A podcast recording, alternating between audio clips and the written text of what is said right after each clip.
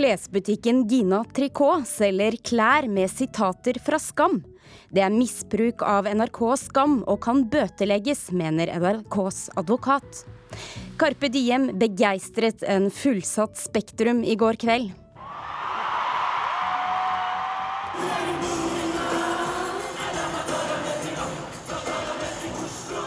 Men vår anmelder mener de gjør det bedre på festivalscenen.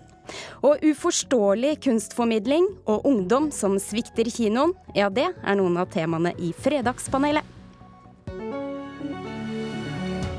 Velkommen til Kulturnytt denne fredagen 21. april. Mitt navn er Stine Tråholt.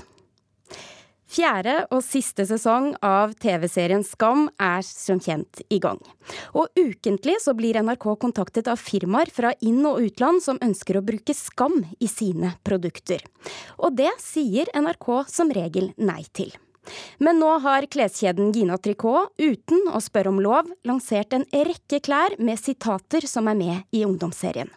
Og dette er misbruk av NRK og Skam, og kan bøtelegges. Ja, det mener i hvert fall NRKs advokat. Det var jo en hookefest. Det var jo mange som hooka. Det var helt normalt å hooke på den festen. Alle hooket jo. Det var ikke bare vi Moss som hooka. NRK-serien Skam er i gang med sin fjerde sesong, og serien har tatt fullstendig av både i inn- og utland. Men populariteten har også skapt utfordringer for NRK som ukentlig får henvendelser fra firmaer som ønsker å bruke Skam i sine produkter. Det er veldig mange ulike aktører som har henvendt seg til NRK for å få lage Skam-produkter, og det ønsker vi jo ikke. Og det de vil, det er jo egentlig bare å snylte på det NRK har laget med Skam. Det sier advokat i NRK, Karianne Langre. Vi får det nesten ukentlig, både fra nasjonale og internasjonale, både store og små firmaer. Og det gjelder ikke bare klær, men egentlig alt tenkelig og utenkelig av ulike produkter. Men nå har kleskjeden Gina Tricot lansert en rekke klær med sitater og uttrykk som er å finne i Skam.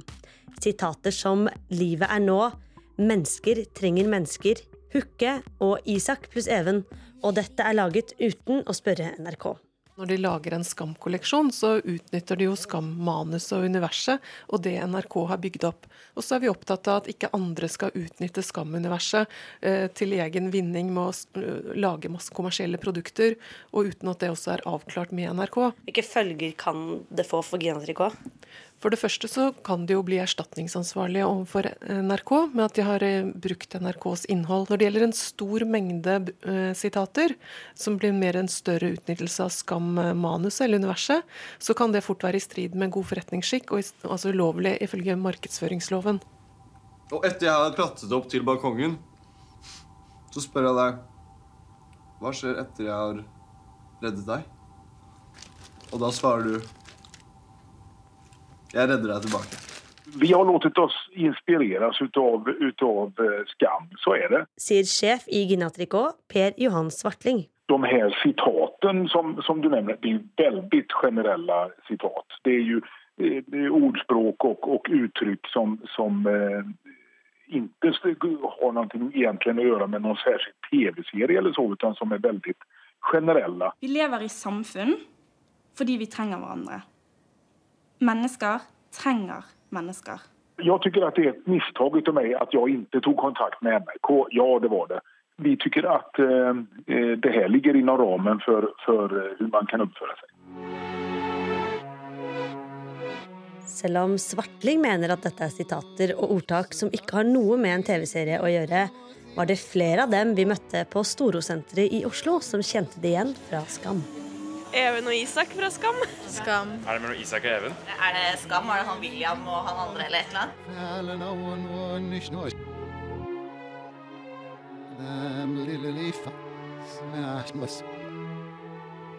Og det var Kulturnytts reporter Mari Sandmalm som hadde laget dette innslaget.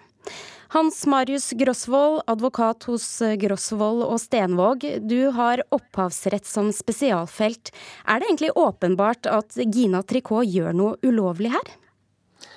Det er fullt forståelig at NRK reagerer. Eh, NRK har jo rettigheter til denne serien, eh, på samme måte som de også har rettigheter til andre formater som de utvikler. og det har en stor økonomisk verdi. Så at de reagerer på enhver utnyttelse, det, det, forstår jeg. Men det er nok ikke åpenbart at iallfall ikke at ethvert av disse enkeltordene som er brukt, er brukt i strid med, med, markedsføringsloven. Det man nok må gjøre her, er å se på på en måte totaliteten av bruken. Altså lanserer man en en hel kolleksjon med både ord, uttrykk, setninger, personnavn, ikke minst fra persongalleriet Skam, så kan det hende at man er på utsiden av det som eh, markedsføringsreglene tillater.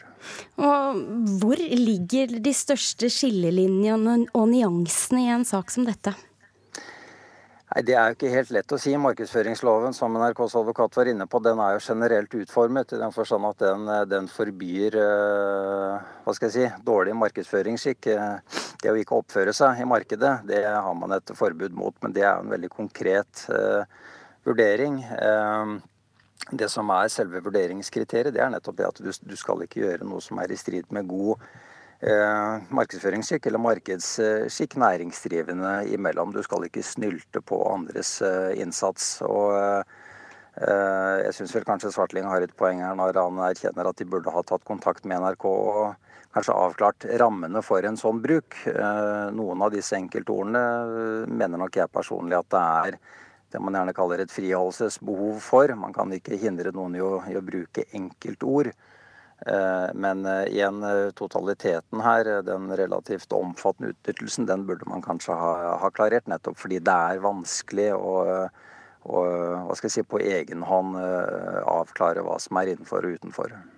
Men i slike saker som dette, er det forskjell på hva en allmennkringkaster bør tillate kontra et stort kommersielt selskap? Rettslig sett er det, er det, ikke det. Eh, NRK står her på lik linje med andre kommersielle aktører. Eh, det NRK kanskje får spørre seg her, som i en del andre tilfeller, er jo om de som allmennkringkaster uh, har en type samfunnsoppdrag som tilsier at de også er, er litt mer løse i snippen, hadde jeg sagt, på, på hva de, de, tillater av bruk. Og kanskje spesielt når det er snakk om nettopp enkeltord og enkeltfraser som uh, som da riktignok er knyttet til dette Skam-universet, men som, eh, som, samtidig jo har eksistert i lang tid, også før, eh, før Skam.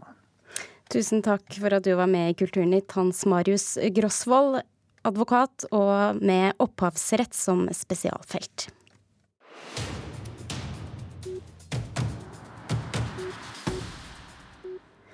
Fristen for å søke høyere utdanning gikk ut i slutten av forrige uke. Og tall fra Samordna opptak viser at det plutselig har blitt populært å studere kinesisk. Reporter Mari Sandmalm, hva er årsaken til dette? Ifølge Dagens Næringsliv virker det som om norske studenter har fått med seg at forholdet mellom Norge og Kina er i ferd med å tine.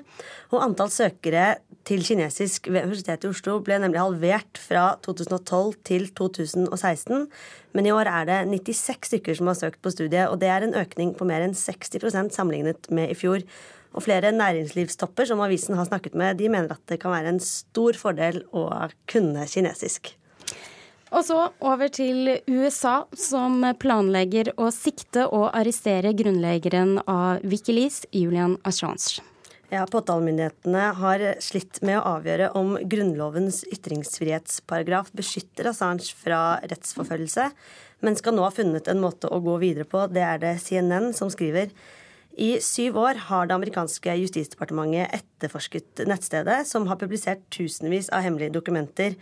Og Assange har oppholdt seg i Ecuadors ambassade i London under politisk asyl de siste fem årene.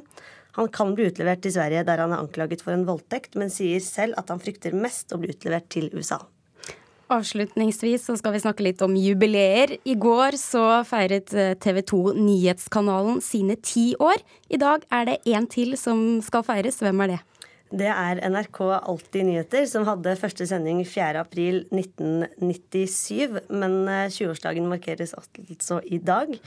Og Frode Rekve, som var kanalens første redaksjonssjef og nå er ansvarlig for frimedier ved Institutt for journalistikk, Han mener at Alltid nyheter har satt sine spor, og sier til journalisten.no at måten nyheter formidles i Alltid nyheter, er den måten som har blitt den toneangivende. En god hilsen fra en gammel sjef. Eh, vi får jo også da koste på oss å si at eh, Kulturnytt sendes ikke bare på NRK P2, men selvsagt også NRK Alltid nyheter. Carpe Diem er et av Norges mest populære og kritikerroste band. De er elsket, men også hatet for sine politiske tekster. Og i går kveld så hadde de sin første av i alt tre utsolgte konserter i hovedstadens største konsertlokale, Oslo Spektrum. Her får du en liten stemningsrapport fra konserten i går kveld.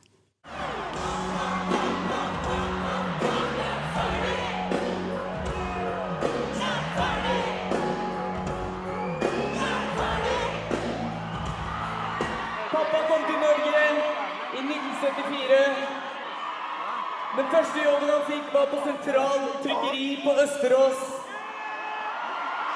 Og med det sagt så tenker jeg at det ikke finnes en eneste person i denne bygningen som kan fortelle meg at de så denne dagen komme.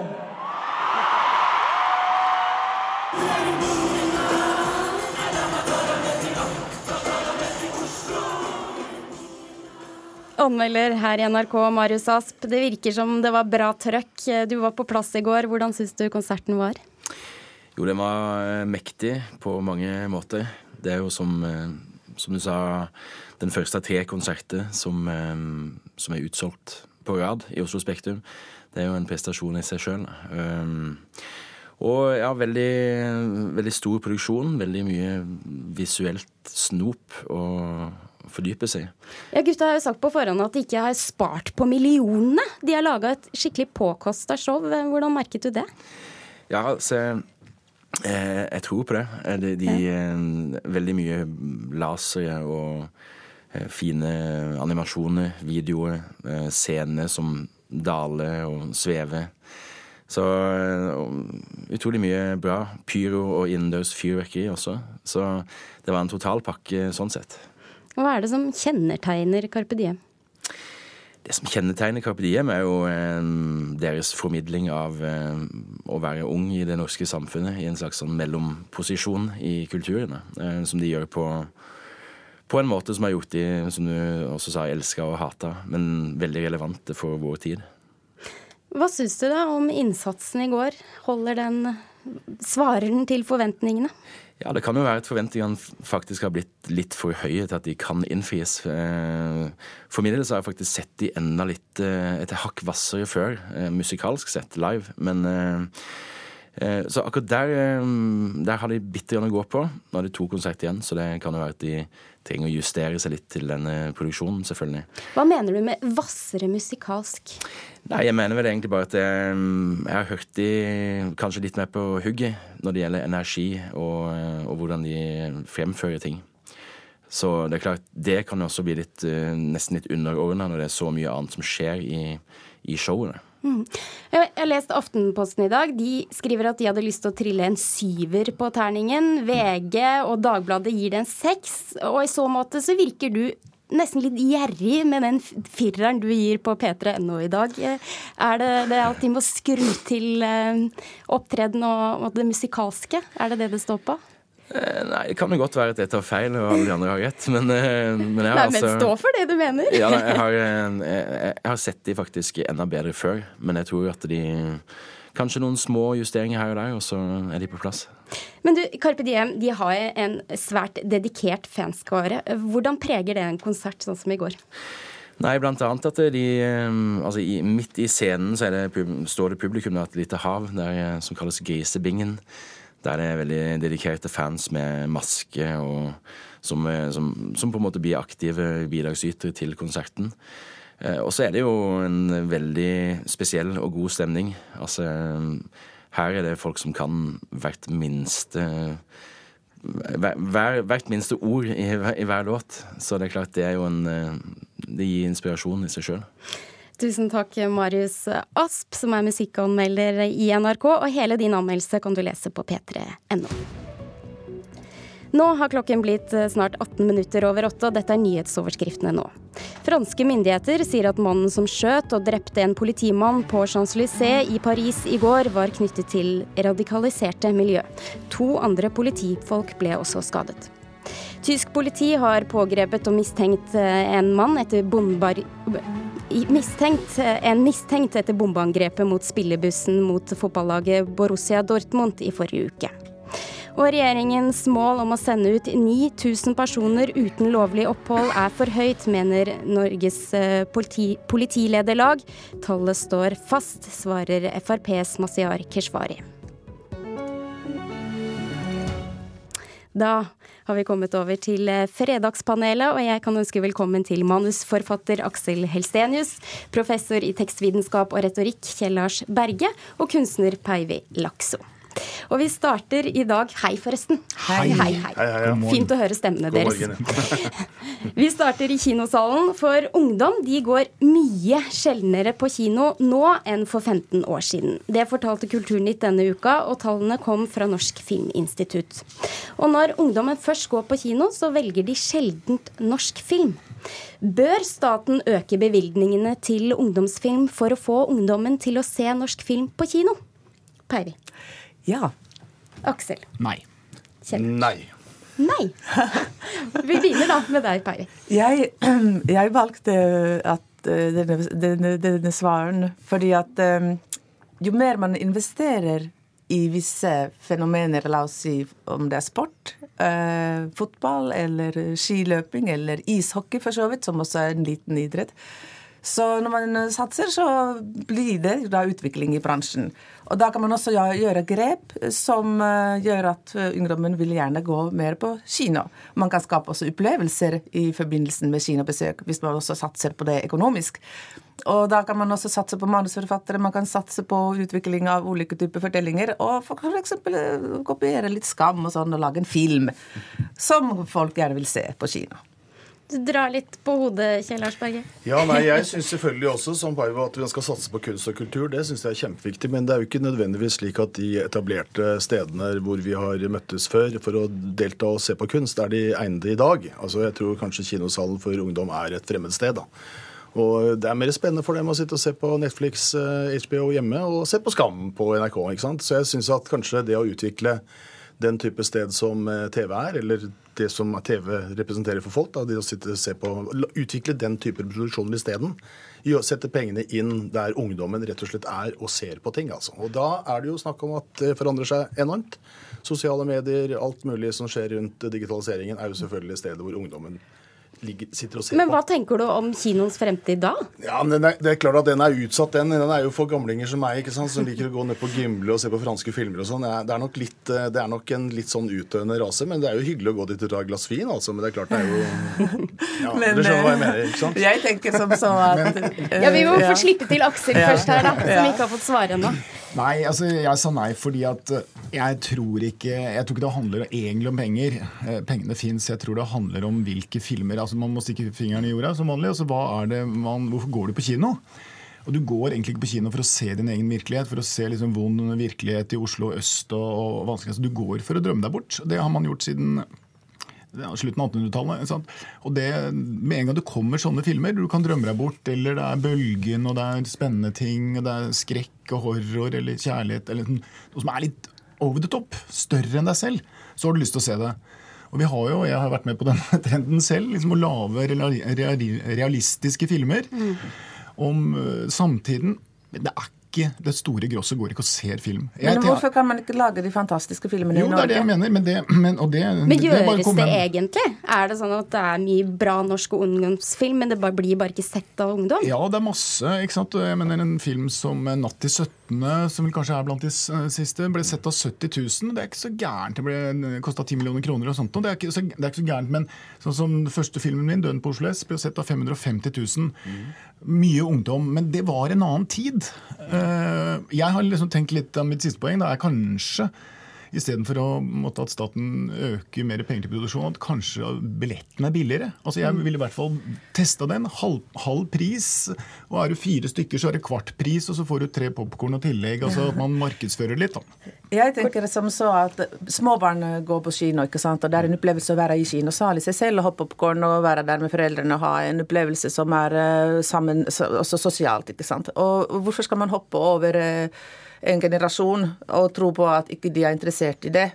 Og hvordan, eller hvordan kunne man liksom øke interessen til å, å, få dem inn i kinosalen? Og jeg mener jo det at det er mulig å lage gode filmer her, men man må ha gode manus, man må ha gode forhold til det. Vi lar det bli med det og hopper videre til norske gallerier, for de er altfor dårlige på å nå ut til vanlige folk. Det ble i hvert fall sagt i Kulturnytt i går.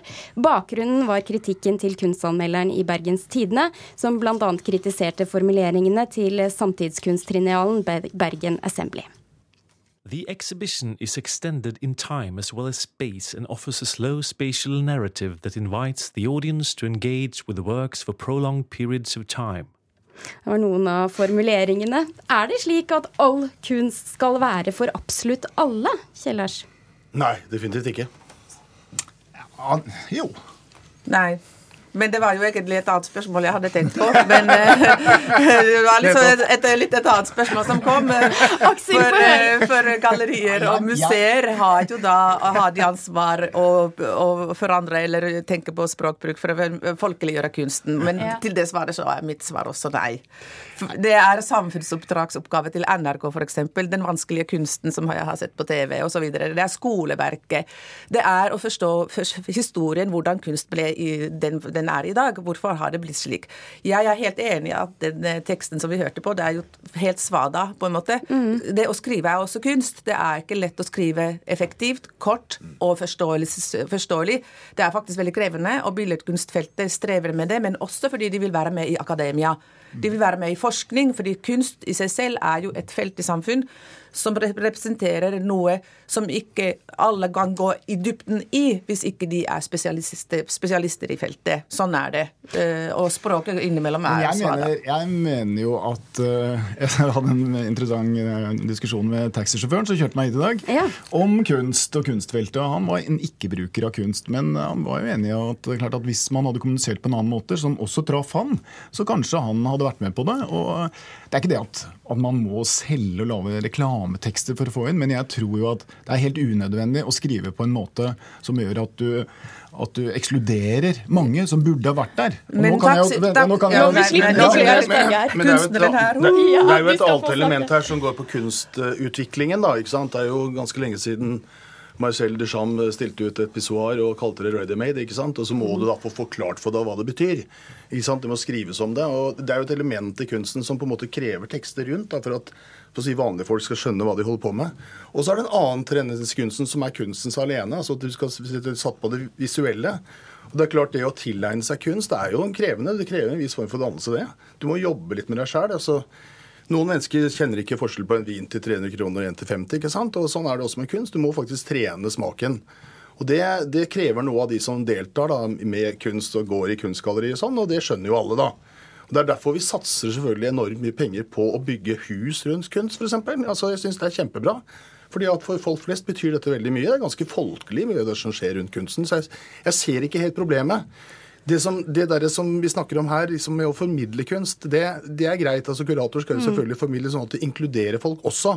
Men akkurat det innslaget vi hadde her, sånn var jo ikke det. Det var jo et del av kunstverket, så å si. ikke sant? Altså At kunstverket på en måte har den verbaliseringen for at helt at kunstverket skal bli kunstverk. Og det er en annen problemstilling, tenker jeg. altså. Men Peivi, dreier, dreier, seg ofte, du er kunstner, eh, seg om å imponere andre kunstnere enn å nå ut til eh, betrakteren? Jeg opplever ikke det. Jeg opplever at det handler om å formidle noe med språk, noe fenomener, noe forskningsaktige prosjekter en kunstner har på, atelier. De, de, lager ting og lurer på ting. De, de skaper ting som de ikke helt uh, kanskje vet helt hvor uh, fører dem hen til. Og da er det også det med språk. Det blir jo også da komplisert. Og de vil gjerne bruke språk som de andre forstår la oss si, akademisk språk. eh, De, mange kunstnere leser filosofiske bøker, de går på universitet på foredrag, de er interessert i juss. De, de, de grab, grabber og graver rundt omkring i ulike felt i samfunnet eh, for å hente inspirasjon. Og da bruker de språk som er litt akademisk, og, og kanskje innimellom inn i kontekst Men du er enig i at det er for vanskelig ja, ofte? eh, og ja, men taxisjåføren har jo ikke interesse av å lese katalogteksten uansett. Nei, men han, hvis ikke eh, du, må, du må komme inn der først, ikke sant? Og Ja, hvis, men- hvis, men det er- hvis, hvis men er det galle- gjør at du, at, du på en måte, at du ikke kommer inn, da mener jeg man har tatt feil. Og så tenker jeg at Kuratorer og sånt, de kan kjempemye, men de kan kanskje ikke, de er kanskje ikke supergode til å skrive. Og da går det jo an å lære det. Hvis man, eh, Det er mange som kan skrive godt. Det Jeg har et siste. Ja. Klesbutikken Grine og Tricot hørte vi i dag selger klær med sitater fra ungdomsserien Skam. Og NRKs advokat var tydelig. Dette er misbruk av NRKs og Skam og kan bøtelegges. Men bør egentlig NRK kunne ta patent på vanlige ord og uttrykk? Eh, Jeg syns ikke de trenger å ta patent i det, fordi det Nei, her opphavsrett altså. fins. Ja. Ja, de beskriver bedre kontrakter. Ja, så Hvis det er uttrykk som på en måte definerer produktet, sånn som dette med skam, så bør de betales for det, ja. Absolutt. Ja, men patent, patent, hva Ja, er patent patent? er Det skulle jeg gjerne forstått hva Ja, patent betyr. hva, hvordan tolker dere det? Altså det, jeg mener jo det at eh, altså Hadde dette Skam vært et amerikansk selskap som sto bak, så hadde dette stått i kontraktene absolutt alt om formuleringer, hvem kan bruke det, hvem kan bruke det, hva koster det. Altså NRK er jo amatører på dette her, og fordi at de har ikke lov til å ta penger. Hadde dette vært TV 2, en annen kommersiell eh, kanal, produksjonsselskap, så hadde dette ligget inne i de 10 000 siders lange kontraktene. Eh, og så hadde man tjent masse penger på det. Eh, Nettopp. men det kan ikke NRK gjøre, så man er i en skvis. Ja, Det er jo noe med opphavsrett generelt for kreative verk som for kunstnere er veldig viktig. Mitt kunstverk for eksempel ble avbildet og fotografert og brukt i en reklame for en fotograferingskonkurranse for vanlige folk. Og da fant jeg ut av dette her eh, helt tilfeldig. Og da har jeg jo da en eh, instans jeg kontakter, og det heter Bono, som kan da kjøre denne saken og kan ta kontakt med dem som har brukt foto av mitt kunstverk, uten å spørre om tillatelse eller tilbud, fordi en liten kompensasjon for det. Og sånn generelt så kreative verk osv. Jeg har aldri kalt mitt kunstverk for patent, og det er det ordet patent jeg reagerer på her. Altså, jeg, jeg bare tar en liten anekdote for min egen del. Altså, jeg er født i Det må 57. være Jeg, jeg, jeg, jeg husker på Grorud sentrum så solgte de Beatles-sokker i 1964. Jeg kan garantere at det kom advokater etter den butikken. altså. Og det, det er jo fordi at dette her er selvfølgelig kunstnernes rett til å eie sitt eget uttrykk. Og det skal det betales for, ærlig talt. Tusen takk, Kjell Lars Berge, Aksel Estenius og Peivi Lakso. Kulturnytt var i dag ved Vidar Sem og Stine Tråholt. Nå får du Dagsnytt her i NRK P2 og Alltid nyheter.